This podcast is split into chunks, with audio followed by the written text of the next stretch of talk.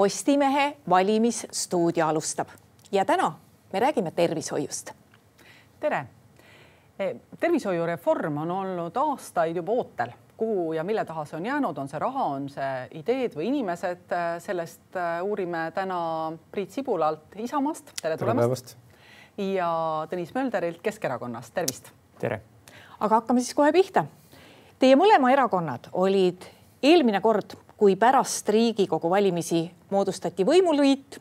valitsuses. ja siis te lubasite ka tervishoiureformi. kui algas koroona, siis selgus, et tehtud ei ole mitte midagi. miks? no alustuseks ma arvan, et äh, ma tuleksin siia tagasi, mis puudutab kaks tuhat seitseteist, kui Isamaa, Sotsiaaldemokraatlik Erakond ja Keskerakond moodustasid valitsuse, siis tehti tegelikult väga selge ja põhimõtteline tervishoiu rahastuse mudeli muutus riik hakkas panema lisaraha tervishoidu viie aasta peale kokku kuskil kolmsada miljonit eurot siis tuli see koroonakriis, mis oleks pidanud nii-öelda eelnevatel perioodidel kokkulepituna tegema ära ka selle päris põhimõttelise muudatuse, et kuidas me vaatame üle tervishoiu rahastusmudeli, kuidas me vaatame üle seda, et patsient tõesti saab ravi kvaliteedi mõttes, kvaliteetset ravi ja ka see kättesaadavuse küsimus. aga tõesti tuleb tunnistada, et koroona ja see kahe pooleaastane tsükkel, mis lõi ikkagi kogu selle tervishoiumaastiku pildi sassi, see jättis oma jälje ja nelja aasta jooksul sellist suurt reformi ei suutnud ükski erakond teha. no ei tehtudki reformi ära, sest see oli selline ajutine hädameede. Priit Sibul, miks ikkagi ei tehtud reformi nii, et äh, sellest rahastusest oleks piisanud kümneks, kahekümneks aastaks, et see valem oleks olnud selline? Hmm. no meie soovid on loomulikult suuremad kui ühiskonna võimalused ja ja tervishoiu valdkond on ikkagi üks nendest valdkondadest, kus me tegelikult elame endiselt sotsialismis, eks ju, ja see on ka, et kui me vaatame muidu äh, suhteliselt äh, edukat Eesti majanduselu või, või valdkondi, mis on hästi arenenud, siis noh, tuleb tunnistada, et äh, sotsiaal- ja tervishoiu valdkonnas me ikkagi oleme endiselt eelmises süsteemis ja, ja noh, nii nagu ma parempoolse inimesena tean, siis noh, üks sotsialistlik süsteem ei saagi mõistlikult toimida, ehk seal on äh, kõik kimbatuses ja probleemide keskel. Ja tegelikult ei ole olnud sellist äh, poliitilist äh, võimekust ja konsensust, et, et tervishoius tegelikku reformi teha, et täpselt on nii nagu, nagu Tõnis ütles, et me anname natuke raha juurde, ka praegused valimisprogrammid räägivad suurel hulgal sellest, et, et anname juurde, aga, aga keegi ei ütle täpselt, kust, mille arvelt ja kui palju, eks ju, nii et, et tervishoius on vaja sisulist reformi et, et nii-öelda asjad pea pealt jalgade peale ja tõenäoliselt noh, see ju, ju me jõuame täna veel sellest palju rääkida ka, aga, aga see on arstide palgad, patsiendi vaade, infra, IT, eks ju, valdkondi on palju. aga räägime siiski rahast. Tõnis Mölder mm, see, mida te tegite, oli ka see, et te kulutasite ära reservid, võtsite mm -hmm. kõvasti laenu riigireservid, mitte haigekassa riigi, reservid? ja riigi, riigireservid äh, võtsite kõvasti laenu, nüüd on laenamine kallis ja läheb veel kallimaks. Äh, kuidas siis edasi kavatsete minna, kas äh, nüüd tulevad maksutõusud? kõigepealt see, mis puudutab täna Eesti riigi laenukoormust, siis Eesti on jätkuvalt Euroopa Liidu kõige väiksema laenukoormusega riik, nii et laenu arvelt teha investeeringuid, mis aitavad tervishoidu või majanduse kasvule kaasa, neid ma pean mõistlikuks nüüd teine asi, mis puudutab üleüldse tervikuna äh, tervishoiu rahastamist, siis tõesti me näeme seda, et prognooside järgi kuskil kaks tuhat kakskümmend kuus on Haigekassa eelarve puudujääk üle paarisaja miljoni euro, mis tähendab seda, et meil on vaja teha põhimõtteline muudatus kas see tähendab siis seda, et rohkem sotsiaalmaksust raha tervishoidu, kas see tähendab seda, et mingi protsent tulumaksu laekumisest peame eraldi panema tervishoidu või siis tõstma inimeste omaosalust. seda viimast poolt kindlasti Keskerakond ei toeta. aga arvan, Keskerakond et... toetab seda, et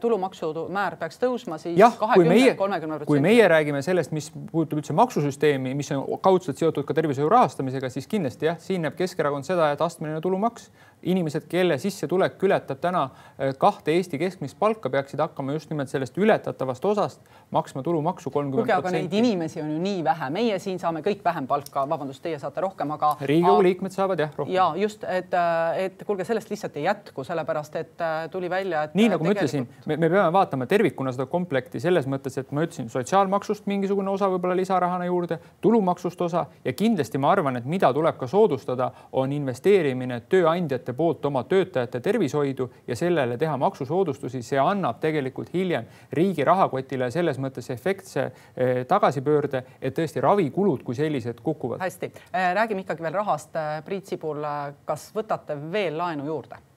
kui vaja on, siis tuleb, aga ma ütlesingi, nii nagu ma eelmise küsimuse sissejuhatuses tegin, et meil on vaja kõigepealt aru saada, et milleks ja kuhu on vaja, eks ju. Äh, siin äh, pikalt olnud äh, nüüd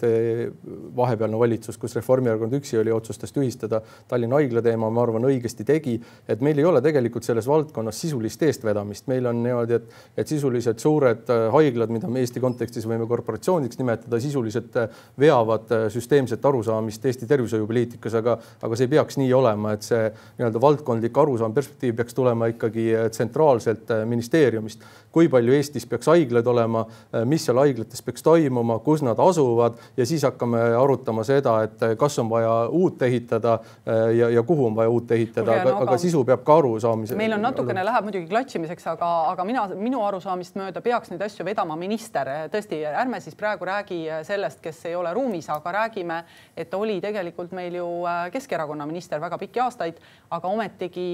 no nagu ütles Priit Sibul, et äh, ei olnud eestvedajat äh, nendel reformidel. nii nagu ma ütlen, sellel hetkel, kui meie seda ministriportfelli vedasime, olime meie äh, Isamaa erakonnaga koos koalitsioonis ja eks me ikka ühis, üheskoos neid asju tegime. nii Aga... nagu ma ütlesin, väga paljud plaanid said paberile kirja, mis oli peamine probleem tõesti, kui tuli koroonakriis kõik see, mis oli nii-öelda planeeritud, jäi tahaplaanile ja hakati tegema konkreetse kriisi lahendamisega, mis tegelikult on toonud täna kaasa kõige suurema probleemi on see, et meil on tohutu ravivõlg. Inimestel on ootejärjekorrad arstiabi kättesaadavusele tõusnud, üle kahe korra tõusnud, mis tähendab tegelikult seda, et seda ravivõlga on vaja järgnevatel aastatel oluliselt leevendada, seda saab leevendada ainult lisaraha pannes, et just nimelt seda tänast raviootust leevendada no,. siis muidugi tähendab seda, et mida ma tahan jõuda ja siia kaasneb teine probleem. teine probleem on see, et kuna ühiskond on vananev, siis see raviootus niikuinii aasta-aastalt kasvab ja siin ma ütlen veelkord üks märksõna, millele ma ei ole selles mõttes Priidu lausega sissejuhatuses päris nõus, et kui ta ütleb, et me oleme ikkagi kuidagi eelmises riigikorras oma tervishoiusüsteemiga.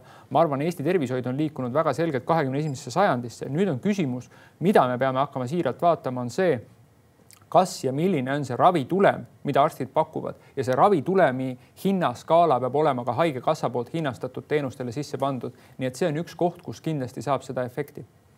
hästi no see, Tõnis, see, see, mida sa kirjeldad, eks, et, et justkui koroonakriis, koroonakriis tõi need äh, probleemid esile, aga tegelikult see, mida sa räägid, ravivõlad ja asjad, need olid kõik olemas, see süsteem oli, oli halvatud ja, ja ma pean küll kahjuks tunnistama, et, et ma arvan, järgmised kolm-neli aastat tulevad väga keerulised tervisesüsteemile, et meil on tohutu õdede puudus, arstide puudus, ei ole see, et ehitame uue haigla valmis, paneme voodid sisse, aga kui seal keegi ei ravi, nii nagu tänasest Postimehest võis lugeda, eks ju, et ega neid äh, voodikohti pannakse pigem kinni, kui ei ole kedagi, kes äh, aitaks ja raviks, et meil ei ole nendest uutest toonetest kasu. ma ütlen, et kõigepealt on vaja tsentraalset eestvedamist ja jaotust ja arusaamisi riiklikul tasandil, et ei ole võimalik, et iga haigla võitleb ise. mäletan, see oli aastaid tagasi,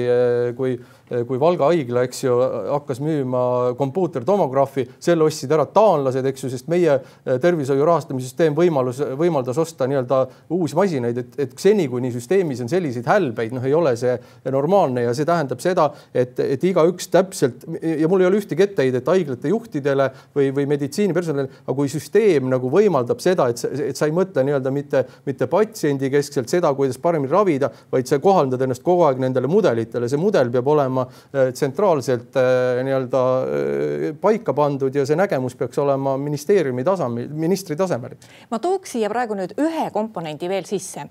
Tõnis Mölder, Keskerakond on öelnud, et teile ei sobi konkurentsile rajatud ravisüsteem kas siit võib välja lugeda seda, et teile ei sobi ka ütleme, need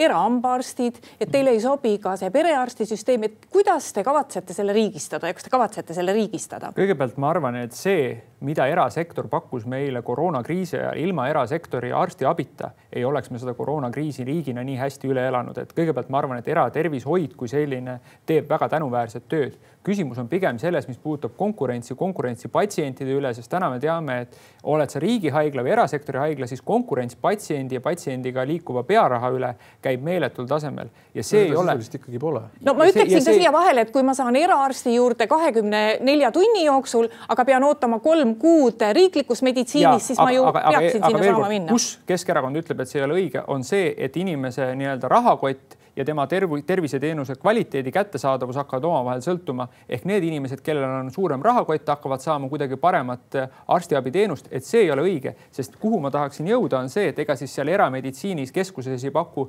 teenust mitte keegi teine, vaid needsamad arstid, kes töötavad meil ka avaliku sektori haiglates, mis tähendab seda, et kui me mingil hetkel ostame nii-öelda need eraarsti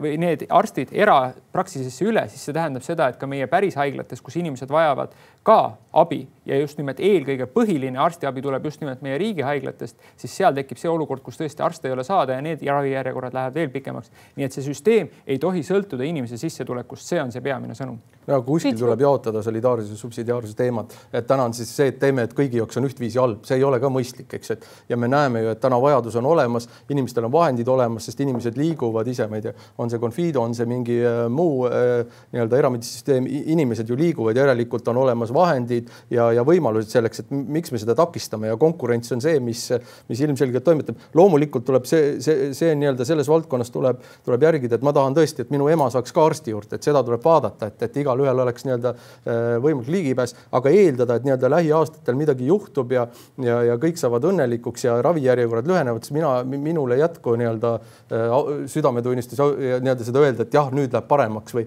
ei ole. ma arvan, et järgmised ajad saavad olema väga keerulised ja kui nii-öelda järgmine valitsus alguses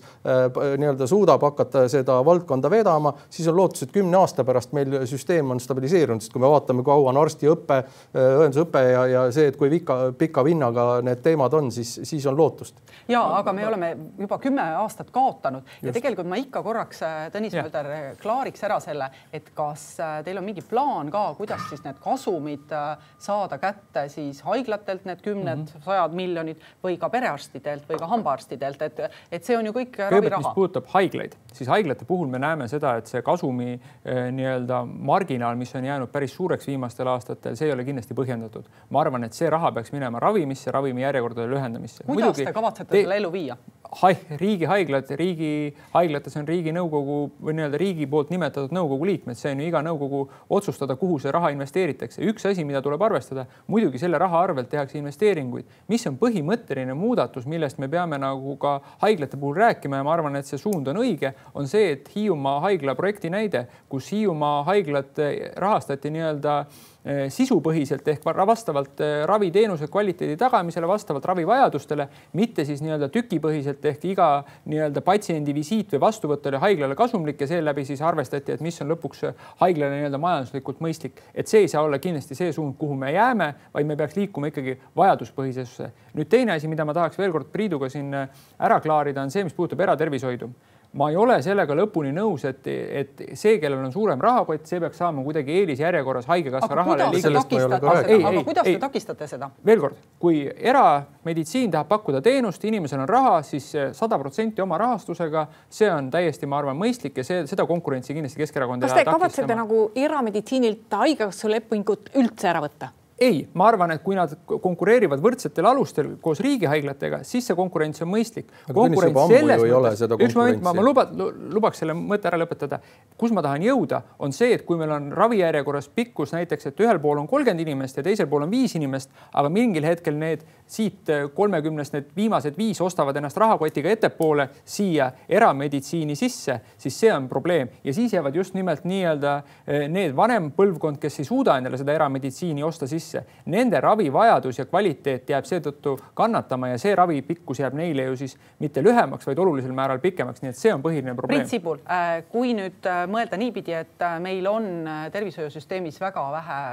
personali, meil on kogu aeg puudus,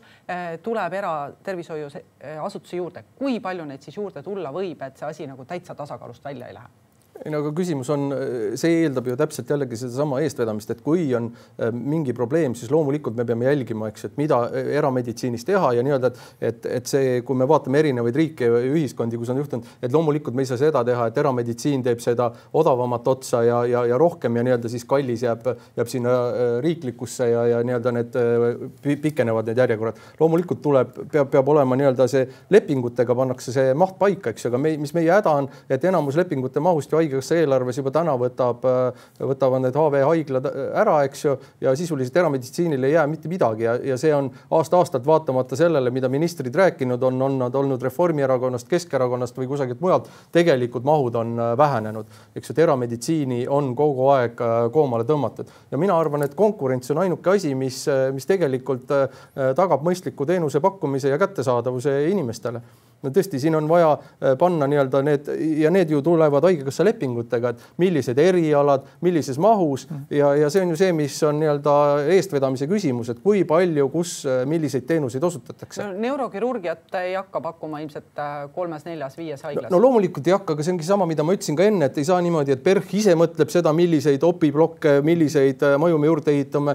Tartu Ülikool samamoodi, eks ju, ja me peame ju tõenäoliselt ka tunnistama endale, et on üldse valdkondi, mida meil Eestis polegi mõtet arendada tähendada, et on siinsamas Soome lahe teisel kaldal on, ma ei tea, vähiravis, mis iganes, kus meil on väga vähe patsiente, ei ole mõtet endal kõiki asju teha, me, see, see käib meile üle jõu, eks ju. kuulge, aga me oleme ma käinud korra. korra ühe ja, lause ütleks ähm,. ma ütleks, ma ütleks selle mõtte siia vahele, kus ma natukene olen Priiduga nõus, aga, aga see on see põhimõte, et ka riik peab vaatama seda üle, et kui meil on kaks suurt haiglat, Tartu Ülikooli Kliinikum ja Põhja-Eesti Regionaalhaigla, et me seda ühte ja sama teenust, millele patsiente ei ole, millel ei ole arste, et me mõlemal pool ei finantseeri ja ei dubleeri seda, sest see on ilmselgelt raha raiskamine. aga seesama kehtib ka erameditsiini ja riikliku meditsiini puhul, et mõlemisse kohta ei ole mõtet osta miljonilist, ma ei tea, meditsiinivahendit, kui on ainult üks arst, kes suudab sellega tööd teha. et siis on riigi prioriteetide küsimus, et kuhu see investeering tehakse ja kellele see õigus siis seda raviteenust anda. aga me oleme juba seal polikliinikute ja riiklikus süsteemis olnud, meil oli plaanimajandus kolmkümmend ja nelikümmend ja viiskümmend aastat tagasi. ometigi ei olnud rahvas siis ka rahul. kas te ikkagi ei ole praegu naiivsed, kui te teate täpselt, et vot meil on nii palju infarktihaigeid tulekul mm. aasta pärast ja kahe aasta pärast on meil nii palju insuldihaigeid, et kuidas see plaanimajandus siis ikkagi nüüd töötaks? Ma arvan, et esiteks see, mis puudutab seda, et me teame, kui palju meil nii-öelda on täna ravivõlg ja mis on see prognoositav nii-öelda ravimaht järgnevatel aastatel. ma arvan, et see on tegelikult see baas, mille pealt me saame kalkulatsioone teha ja kuhu siis nii-öelda suunata täiendavalt raha nüüd on teine küsimus, mis on minu meelest palju olulisem, aga see ei lahenda ära seda kriisi, mis meil täna on, on see, et me peame olulisel määral panema raha ennetustegevuseks, et hiljem kümne, viieteist aasta perspektiivis meie ravi nii-öelda koormus esiteks, aga ka ravile minev rahaline hulk väheneks ja ennetustegevus on kindlasti odavam. ehk siis see hakkab tegelikult sellest pihta, et iga inimene vastutab vägagi paljus enda tervise eest ise, aga üks asi on ka see, et kui riik pakub talle teenuseid, mis on ennetavad siis kindlasti ka inimene peab neid vastu võtma. ehk see on väga suur probleem täna. meil on sõeluuringuid, meil on erinevaid teisi ennetusmeetmeid mida tegelikult inimesed kasutavad väga vähe ja hiljem nende inimeste ravikulu on olulisel määral kõrgem, nii et see on riigi küsimus ka, kuidas seda lahendada. no ma saan aru, et te jõudsite praegu väga nagu öelda tundliku ja väga raskesti täidetava teema juurde, sest et inimest panna oma tervise eest käsu korras hoolt kandma on pagana raske, see on hoopis keerulisem, kui võtta laenu või jagada raha ümber, sest me ju praegu näeme, mis toimub. inimesed on gripiga haiglaravil ja vaktsineerima ei lähe ja seda ei murra mitte miski. ja aga inimest saab ainult motiveerida meie programmis on ka see ikkagi, et näiteks ka esmatasandil, see oli meil juba ka eelmisel korral programmis, kahjuks ei ole jõudnud seda realiseerida, aga see, et ikkagi esmatasandi ja patsiendi vahel tekiks leping ja see on ka võimalus nii-öelda see, millest enne Tõnis rääkis oma osas. mina arvan, et see eh, peab olema võimalus ja süsteem peab motiveerima mind seda omaosalust vähendama aga ma arvan, peabki olema minu käitumise, minu vastutusega seotud see, millised on minu kulud tervishoius. et kui ma ikkagi ei viitsi sporti teha, söön, mida tahan, toimetan, siis minu panus peabki olema tervishoidu ka kõrgem. ja kui ma nii-öelda teen enda poolt kõik, siis mul peab olema äh, nii-öelda kas maksusoodustuse või mingi nii-öelda äh, omaosaluse vähenemise läbi äh, see süsteem peab motiveerima mind nii-öelda liikuma õiges suunas, mitte keegi ei saa inimeselt võtta seda vastutust. tervis on meie oma ja meie vastutame, ei vastuta ei haigekassa, ükski, ükski ükski arst ega mitte keegi teine ja kui me sellest aru ei saa ja see on kõige olulisem muutus ehk inimene peab ise aru saama, et tema on oma äh, tervisejuht ja, ja sealt tekivad nagu järgmised küsimused ehk kui me vaatame tänast riiklikku tervishoiu rahastamise süsteemi, siis seal pole mitte mingit vahet, kas inimese, inimese raviteekonna lõpus sureb või saab terveks. rahastamine ei sõltu sellest. ei sõltu. jah eks see on ju nonsense, eks ju, et, et peab ju hakkama toimuma, et, et kuskil keegi peab jälgima, peab olema nii-öelda, et kas see on esmatasand või keegi, kes, kes juhib seda patsienti, kui ta esimesest uksest sisse läheb ja viimasest välja tuleb, eks ju, aga täna on need erinevad uksed inimest solgutatakse, IT-süsteemid omavahel ei suhtle. kui ma täna, ma ei tea, kui peaks midagi juhtuma, et te kutsute kiirabi, siis minu perearstile ei, ei lähe üks, ühtegi teadet sellest, et mind vahepeal, ma ei tea, Postimehe stuudiost kiirabi ära viidi. süsteemid lihtsalt ei suhtle omavahel no,. kuulge, aga me just ju kuulsime seda, et te võtsite vastu suurepärased äh, peretoetused äh, ja nüüd selgub, et äh, võetakse selle pärast tööle kümneid inimesi, kes hakkavad neid käsitsi arvutama. et kas võib juhtuda ka nii, et tegelikult tervishoiureform takerdub samamoodi igasuguste IT-süsteemide taha, mis ei suhtle omavahel, miks nad siis homme suhtlema hakkavad no,? No, ma, ma arvan, see, mis puudutab kogu sellist nii-öelda e-teenuste e, e-teenuste muutmist kiirkorras, siis see nõuabki lisaressurssi ja ilmselgelt iga sellistel muudatustel on oma hind. aga ma arvan, et siinkohal ma nagu pigem ütleks, et see oli õigustatud, et kui parlamendi tahe ja poliitiline soov on tõsta peretoetusi, siis see ei saa jääda taha ühegi e-arenduse ega selle taha, et inimestel pole lihtsalt töökäsi. aga ma tuleks korra selle tervi, tervishoiu juures selle ravitulemi juurde ja siin ma olen nagu selles mõttes Priiduga nõus, et, et tõesti, me peame rohkem panema rõhku sellele, et kui me teeme mingit raviprotseduuri patsiendile, siis see ravitulem peab olema hinnastatud ehk me teeme ainult neid teenuseid, mis tõesti tõstavad selle inimese elukvaliteeti või annavad siis sellele nii-öelda konkreetsele haigusele leevendust. et me täna teeme väga palju lihtsalt selliseid teenuseid kus tegelikult seda nii-öelda inimese elukulule või siis elu ähm, nii-öelda ravimi tulemusele tegelikult mingisugust positiivset nihet ei ole ja see on põhiline probleem. no kuidas seda probleemi ikkagi lahendada nüüd? aga no see, see, mida te küsisite, aga meil ju need IT-süsteemid ei tööta ka täna, eks ju, kui ma mäletan, see oli vist, kui ma sotsiaalkomisjoni läksin, eks ju, ma ei tea, üks äh, haigla ehitab oma, ma ei tea, pildipanka, teine oma, eks ju, need pildid omavahel ei suhtle, arstid liikuda ei saa ja siis on nagu patsient, kuhu ma vaeseke sattusin, eks ju, ja, ja, ja igas kohas siis keegi ei saa aru, miks iga kord, kui ma lähen kuhugi jälle, tehakse uus pilt, sest kuskil öeldakse, et vot see, need seal on halva kvaliteediga, see tohter ei suuda selle, selle kvaliteediga pilti välja lugeda, nii edasi. aga noh, see on nii-öelda, see, see on nagu nonsenss ja jabur ja see on see, mis, mis täna toimub, on ju see, mis ma ütlesin, eks ju, et, et kiirabi, EMO, esmatasand, eriarstidel pole ühte IT-süsteemi ja nüüd on minu arust kaks võimalust, et kas me lepime kokku, et meil on riigis üks süsteem, jah, siin on nii-öelda oluline, et, et ka siin oleks konkurents, et meil ei teki Eestisse üks arendaja, kes lõpuks hakkab dikteerima seda, et mis selles arenduses toimub, et tõenäoliselt tuleb, peab olema siin tark tellija et kas see süsteem koosneb erinevatest, erinevatest osistest, mis omavahel liidetakse ehk nii-öelda see tsentraalselt peab olema ära sõnastatud, et kui sa teed selle jupikese, keegi teine teeb teise, et siis nad omavahel suhtlevad. aga seda Kulge, täna ei ole, eks. kuulge, aga te mõlemad olete olnud nagu pikalt Riigikogu liikmed. no mis siis toimub, et äh, oletegi andnud selle võimu siis äh, nendele ministeeriumi inimestele, kes mitte midagi ei tee, et äh, ma saan aru, et ikkagi jäme ots peaks olema ju teie käes see, mis puudutab parlamentaarset riigikorda ja parlamentaarset võimu, siis siin tuleb tunnistada, et tõesti parlament on andnud väga suure võimuosa valitsuse kätte ja väga paljus on see siis tervishoiu valdkonnas või mõnes muus valdkonnas, sõltub ministeeriumist ja ministrist konkreetselt. kas peab siis ütlema, et tuleb valida teised äh, Riigikogu liikmed teie asemele? ma arvan, et tegelikult, mida ma tahaks öelda, aga, aga mida mina tahaks öelda, on see, et tegelikult, mida mina ootan, meil on täna parlamendi koosseisus väga palju arste ja eksperte, mis on tõstnud just nimelt seda ravi nii-öelda temaatikat ja üldse tervishoiu temaatikat rohkem keskmesse. Aga ma loodan, et ka järgmises koosseisus on neid rohkem, nii et selles mõttes kindlasti siin ma kutsun üles küll valijaid vaatama ka selle pinnalt, et mis on see valdkond, mis tundub temale oluline ja vastama siis vastavalt sellele seda eksperti no ma küll tahaksin küsida praegu küsimuse, et kui ruttu selle IT-süsteemiga võiks korda hea tahte juures saada, aga ma jätan selle mm. küsimuse küsimata, küsimata, sest mul on tunne, et äh, meie vaatajad ja teie valijad tahaksid väga ruttu teada saada, millal lõpeb ära kogu see jama EMO-des kus inimesed, kes sinna ise kohale kuidagi lonkavad, peavad seal istuma ööpäevaringselt ja inimesed, kes sinna ka kiirabiautos tuuakse, ehk siis nende seisund on veelgi hullem, jäävad siis ootama sinna kiirabiautosse, et kui ruttu saaks selle korda? ma arvan, et see on täna eh, paljuski natukene, ma arvan, perearstid peaksid oma nii-öelda teenuse ja teenuse kättesaadavusele vaatama tõsiselt otsa. ega siis see probleem, miks inimesed pöörduvad täna EMO-sse, on paljuski seotud sellega, et perearsti juurde ei ole võimalik kiirkorras saada, kui tõesti on see probleem akuutne, siis lihtsam ja operatiivsem on pöörduda EMO-sse siin on kindlasti inimestel ka endal vaja otsa vaadata, et kas see probleem, millega nad EMO-sse pöörduvad, on põhjendatud. aga ma arvan, paljuski on see, et kui tõesti perearstile täna helistada, siis pahatihti ei saa teda täna kätte, saab alles homme kätte ja kui homme saab kätte, siis öeldakse, et tule nädala aja pärast, aga nädala aja pärast see pisike probleem, mis võib-olla tervishoiu mõttes laheneb ära nädalaga, kas ta on läinud suuremaks või ta siis läheb juba iseenesest mööda ja iga inimene nii-öelda leiab endale ise mingisuguse ravilahenduse ja siin ma ei ole ka päris nõus sellega, kes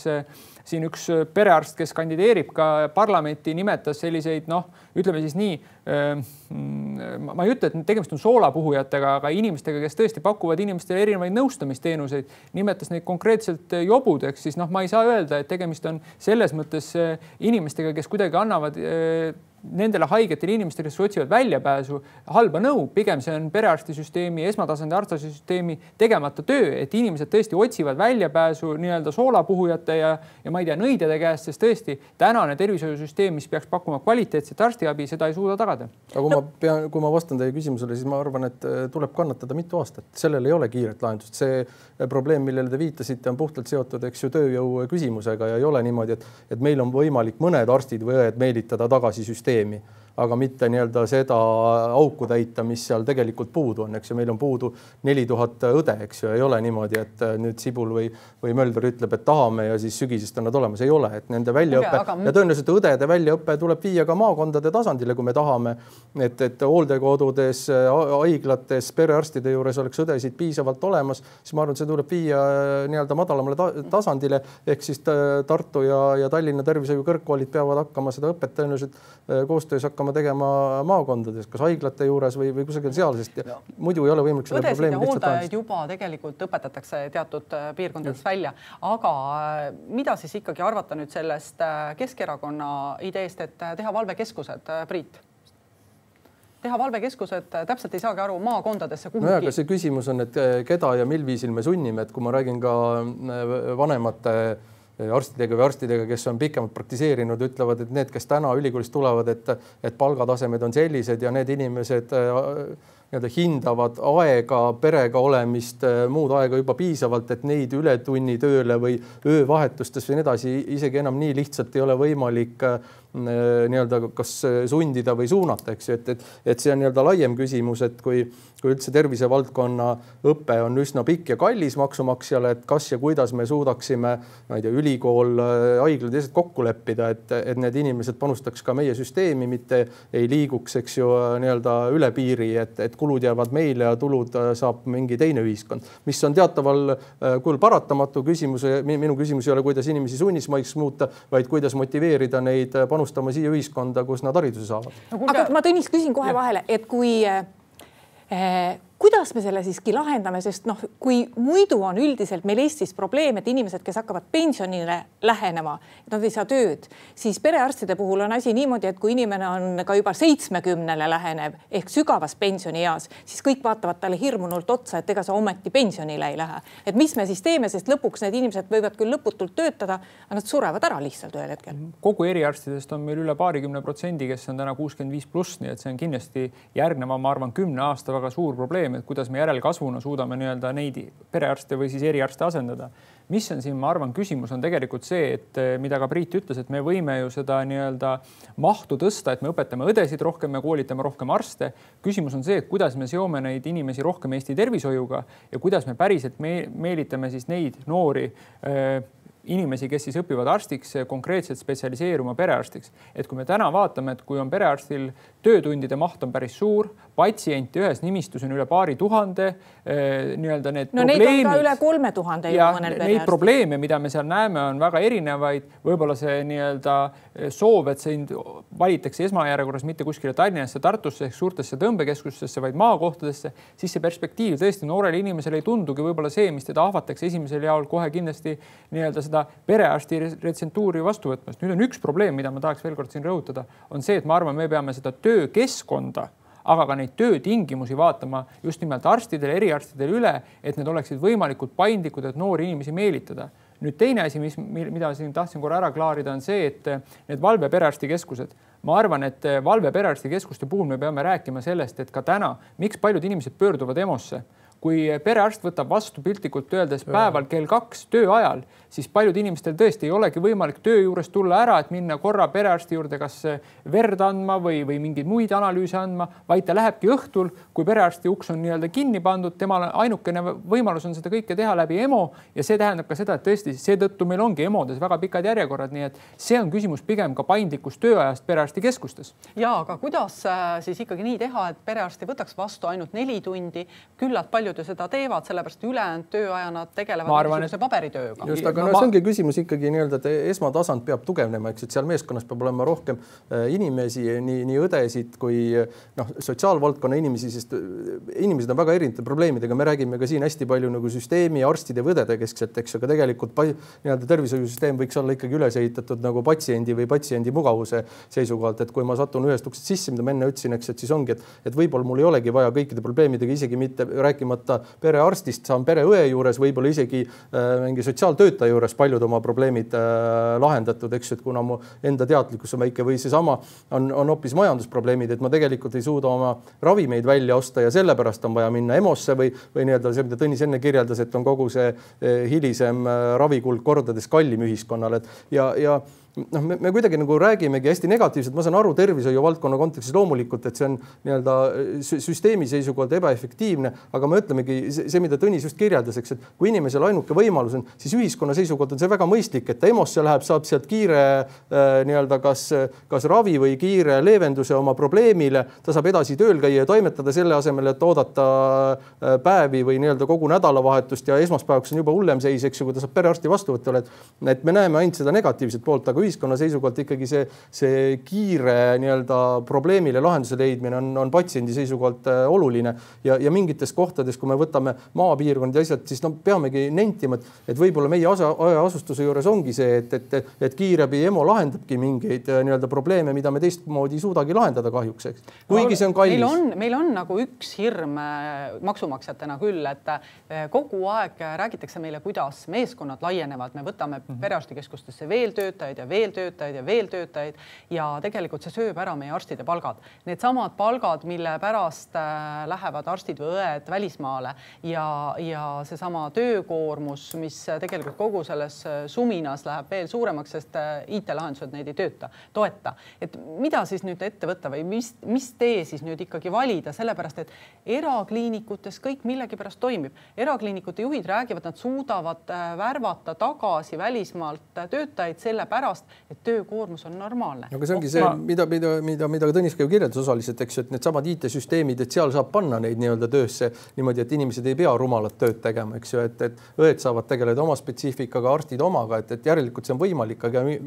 ja loomulikult, kui üks perearst, eks ju, on üksi ja, ja sellepärast enne te viitasite ka, et me oleme elanud plaanimajanduses ja polikliinikutes natuke tervisekeskustega, okei okay,, see on natukene teine süsteem, aga siiski me liigume sinna, kus inimesed meeskondadena toimetavad ja kui tõesti minu perearst on kas puhkusel või täna ei saa vastu võtta, siis ei ole see, et ma lähen tagurpidi uksest välja, tulen homme või ülehomme jälle, vaid, vaid ma saan oma probleemile ka lahenduse, et, et selles mõttes see, see meeskond suurenemine linnalises keskuses on okei okay, ja maapiirkonnas jällegi nii-öelda see liigub inimestest lihtsalt kaugemale. ühe asja, mis ma tahaks veel öelda siia, et ma arvan, et ka perearstide selles töömudelis on tegelikult teatud efektiivsuse võti olemas, et ka see, et mitu tundi sellest perearsti tööpäevast on see vastuvõtuaeg ja kui palju kulub paberimajandusele, siis ma arvan, et need proportsioonid ei ole täna nii-öelda paigas ehk perearst peaks tegelikult tegelema rohkem ravimisega. teine koht, kus ma näen lisaressurssi, mis muidugi ei tähenda, et see on mingi võluvits, vaid lisaressurss on kindlasti apteegiteenuse suurem integreerimine täna esmatasandi tervishoidu. ehk tõesti, inimene saab kasvõi ravimite näol esmase sellise hea ülevaate või äh, nii-öelda sellise tagasiside, et milliseid ravimeid võtta, milliseid mitte võtta just nimelt apteekidest ja see on, ma arvan, täna üks koht, kuhu võiks liikuda ja ka tegelikult riiklik äh, ravimi arengukava näeb seda ette, et me liigume rohkem esmatasandi tervishoiu ja apteegiteenuse suurema integreeritusesse. see on ka meie programmiline seisukoht, et see tuleb teha, et meil on väga kvalifitseeritud koolitud inimesed, kes täna ei ole süsteemi osa, eks ju, ja nüüd, kus, kus need inimesed nii-öelda apteekides teavad, kuidas rohtusid kokku segada, oleks ju ülimalt mõistlik ja loogiline, et nad suudavad ka inimestele head nõu anda seal, et selleks ei pea jälle minema pereõe või perearsti juurde. kui te nüüd vaidlete väga palju selle üle, kust saada raha ja teisalt, kuidas jagada neid teenuseid erameditsiini ja olemasoleva riikliku meditsiini vahel, siis Tõnis, mis pagana pärast me ehitame ja Tallinna haiglat, mis oleks riiklik haigla, toimiks täpselt sama halvasti kui senini riiklik meditsiin. Ja teisest küljest paneme tohutu hulga raha ikkagi sinna betooni? esiteks ma arvan, see otsus, mida Kaja Kallas üksi valitsuses olles tegi, kus ta võttis Tallinna haiglat üle kahesaja neljakümne miljoni euro ära, ma arvan, et see oli selles mõttes korvamatu kahju kogu Eesti meditsiinisüsteemile. kui me räägime Tallinna haiglast, siis see on ikkagi hoopis teine töökeskkond, hoopis teine efektiivsus, kus täna kaks Tallinna keskhaiglat, Ida ja Lääne keskhaigla oleks omavahel kokku ühendatud, kus tänastes eh, nii-öelda hoonetes ei ole võimalik pakkuda enam tänapäevast efektiivset ravimeetodit. see oleks haigla mis oleks kogu Eesti ravimahtudest katnud ära ligemale üks kolmandik nii et see oleks olnud kindlasti võit, ma arvan, nii efektiivsuse mõttes kui ka tegelikult ma olen täiesti kindel, et töökeskkonna mõttes oleks see mõjutanud just nimelt eelkõige noori arste perspektiivi mõttes õppima arstindust, aga teine asi ka neid arste, kes on läinud täna välismaale tulema siia Eestisse tagasi just nimelt, sest see töökeskkond on kaasaegne. jah küsin olla... kohe vahele, kui palju lühemaks lähevad ja ravijärjekorrad pärast seda, kui Tallinna haigla valmis saab? ma arvan, et see oleks andnud selles mõttes efekti, et ei, meil ei oleks tekkinud seda dubleerimist, mida teevad täna Ida ja, ja Lääs pluss Põhja-Eesti Regionaalhaigla, see oleks eeldanud seda, et riik võtab väga selged struktuurid, mis erialad on Põhja-Eesti Regionaalhaiglas, mis erialad on nii-öelda Tallinna haiglas ja nende omavahel ei oleks olnud dubleerimist, mis oleks andnud efektiivsust just nimelt ravijärjekordade lühendamisel. ja, ja, teine asi, mis ma tahan öelda, see ei tule kindlasti, see betooni panemine ei oleks tähendanud seda, et me kuskilt kas siis ravi või haigekassa eelarvest võtame selle raha. see oli raha, mis oli Euroopa Liidu nii-öelda taastefondist Eestile ette nähtud. täna see raha jääb meil kasutamata ja läheb pigem meditsiinist välja ja see ei ole kindlasti põhjendatud. esiteks ei ole vaja teha seda paekivi sisse, teiseks see, et, et, et nüüd sa ütlesid minu meelest õige asja, et küsimus on, et aga, aga haigla ehitamine iseenesest ei eelda seda, mida sa kirjeldasid, et otsustatakse ära, millise haigla millega tegeleb, sellega, sellest ma rääkisin ka enne ja see minu arust on üks tervishoiu probleeme ja Tallinna haiglat ei saa enne hakata ehitama, kui on selge mida see haigla tegema hakkab, mitu korpust tal vaja on, mis on tema spetsiifika. aga need uuringud see... on kõik tehtud, see on kõik täna olemas, pluss teine asi, ma tahan öelda, et täna lihtsalt ei ole võimalik palju erinevaid teenuseid just nimelt nendes vanades Ida-Tallinna Keskhaigla hoonetes pakkuda, mis on paarsada, paarsada aastat vanad. ehk sinna ei ole võimalik piltlikult öeldes uusi kiirendeid ehitada, sest see ressurss on seal juba ammu ammendunud no aga paneme nad siis Põhja-Eesti Regionaalhaiglasse. ja aga see ongi küsimus, et valikute koht, riiklik juhtimine. Tartu Ülikoolis me teeme ühte meditsiiniharu, Põhja-Eesti Regionaalis teist, Tallinna Haiglas kolmandat, meil ei jagu patsiente ja meil ei jagu arste. kas see vajadus on ikkagi olemas, ei ole minule nagu lõpuni selge, sest eh, arvestades seda, sedasama sõjaolukorda ja nii edasi, et kui mingi hetk ka see vana hea nii-öelda Rootsi-aegne, nüüd võib seda jutumärkidesse panna, haiglavõrgu arengukava, mis ei näinud väga palju ette nii-öelda maakonnahaiglatele, et noh, nüüd täna saab igaüks aru, et, et on oluline julgeolekukaalutlustel ka hoida igas maakonna keskushaiglaid ja nendel nii-öelda kogukondlike haiglate funktsioon kindlasti on, et, et minu jaoks jaoks ikkagi väga selgelt ei ole arusaadav, millist funktsiooni ja, ja probleemi see Tallinna Haigla hakkab täitma. Ja selles suhtes ka sinu endine kolleeg ähm, terviseminister Tanel Kiik on öelnud, noh, vaat ei ole nii, et on kuskil mingid erinevad rahakotid, eks ju, et, et, et lõpuks nii-öelda see tuleb, noh, noh, see... nii nagu me näeme Haigekassa vahendist, eks ju, et, et keegi pole otsustanud, aga näed, osa ravirahast läks äh, Haigekassal nime muutmiseks ja, ja konstateeriti tagantjärgi, et tervisevaldkonnas nii-öelda see raha tuleb ikkagi lõpuks kas, kas nii-öelda personali personali arvelt või nii edasi. Ja milline on prioriteet? Ja mina väidan, et täna nii-öelda king pigistab kõige rohkem meil personali pro probleemi lahendamise kontekstis. Ja kui see on tehtud ja meil on arusaam, millist funktsiooni see Tallinna Haigla täpselt täitma hakkab, siis võime ükskord arutada, aga ma arvan, et oluline on tõesti see, mida sa ütled, täiesti lahku lüüa, kas see on Euroopa raha, maksumaksja raha, aga ilmselgelt eh, infra peab olema eraldatud tervisevaldkonna raha. ja mida ma lihtsalt tahan öelda, see kakssada nelikümmend miljonit, mis Euroopa Liidu taastefondist oli, tänane valitsus jagab selle laiali mitte tervishoiu tervishoidu, vaid mujale nii-öelda majanduskasvu või siis äh, nii-öelda kõrgete hindade katteks ja see ei ole kindlasti tervishoiuvõit, see on põhiline probleem. valitsus võib võtta ju muidugi ja jagada mingist sellest teisest hunnikust siis jälle tervishoiule, et äh, rahakott. aga rahakott. seda aga... otsust täna tehtud ei ole. aga haigla ehitamine maksab viissada miljonit kuni miljon. mul on äh, teile üks teist küsimus, mida öelda siis valijale kui valija läheb Haigekassa kodulehele, siis ta saab lugeda hiljemalt neljakümne kahe päeva jooksul pääseb ta eriarsti juurde, hiljemalt viie tööpäeva jooksul pääseb ta perearsti juurde. kas seda lubadust peaks muutma, sest praegu inimesed on trotslikud, sest väga paljudel juhtudel see lihtsalt ei tööta. Priit äh, sa, te mõtlete, et peaks pikemaks muutma? Äh, peaks muutma lubaduse tänapäevasemaks. et oleks realiseeritav. et oleks eluga kooskõlas aga tõenäoliselt siin on ka erisused, ütleme. see on kui... hiljemalt, me räägime ja. hiljemalt ja et, et on osasid perearste, kus saad kiiremini ja osad tõenäoliselt, kus osad tuleb osad ka, kauem, eks ju, eriarstide puhul samamoodi ei, ma arvan, et meil tuleb pingutada, aga nii nagu ma ütlesin, et, et see on kompleksne ja keeruline probleem. ma arvan, see, kui me noh, seesama, kui me jõuame saate algusesse tagasi, et tõmbame lati alla, et kõigil on ühtviisi halb, ma arvan, see ei ole nagu lahendus ja, ja nii-öelda hea mõte, et et tõenäoliselt ka süsteemist seest on võimalik nii-öelda efektiivsemaks muuta. üks võimalus, mida arutada minu meelest on küsimus selles, et, et kas äh, haiguslehed peaks olema haigekassa eelarves või tõsta ära, et, et nii-öelda, et tegelikult äh, siis haigekassas tegeldakse ainult äh, ikkagi ravimise ja, ja selle poolega. Ja see, mis puudutab töölt eemalolekut, on Töötukassa probleem, eks, et kas seal, kas see nii-öelda sellest maksukogumist aitab või ei aita, aga see on üks võimalus, sest ega täiendavaid vahendeid on, on tervishoidu vaja. arusaadav, et jätaksite jätta pigem samaks. Tõnis, samaks. ma arvan ka, et see, et numbri vahetamine Haigekassa kodulehel ei, ei lühenda ei ravijärjekorda ega tegelikult mõju patsiendile kuidagi positiivselt. üks, mida ma tahan öelda, et tegelikult on ka perearstid väga erinevad. minu enda perearsti puhul ma võin öelda küll, et sellel nädalal ma saaksin kindlasti perearsti juurde, kui mul on vaja, aga ma tean juhtumeid, kus ma arvan, et perearst ei võta järgmised kolm nädalat vastu ja tegelikult patsiendid ootavad. samamoodi on ka eriarsti puhul, silmakae operatsioonile pääseb kuskil kolmekümne päeva jooksul üle Eesti teistpidi on eriarsti vastuvõtte, mida tuleb oodata üle nelja kuu. Ja vaat siin ongi see pigem see proportsiooni küsimus, et kus kohtades me riigina näeme neid prioriteete, et see ravi järjekordade nii-öelda pikkus läheks enam-vähem ühtlasemaks arusaadav, nii et äh, praegu jääb siis ikkagi äh, kuulajatele-lugejatele selgeks äh, see, et kõiki lubadusi, mida on välja käidud, uskuda ei tasu. aga ma tänan täna saatesse tulemast, Tõnis Mölder, Priit Sibul, aitäh teile. aitäh, aitäh.. ja aitäh ka kõigile neile, kes meid vaatasid. nii palju veel, et meie järgmine valimisstuudio on eetris juba ülehomme. kohtumiseni. kohtumiseni ja kõike head Bye.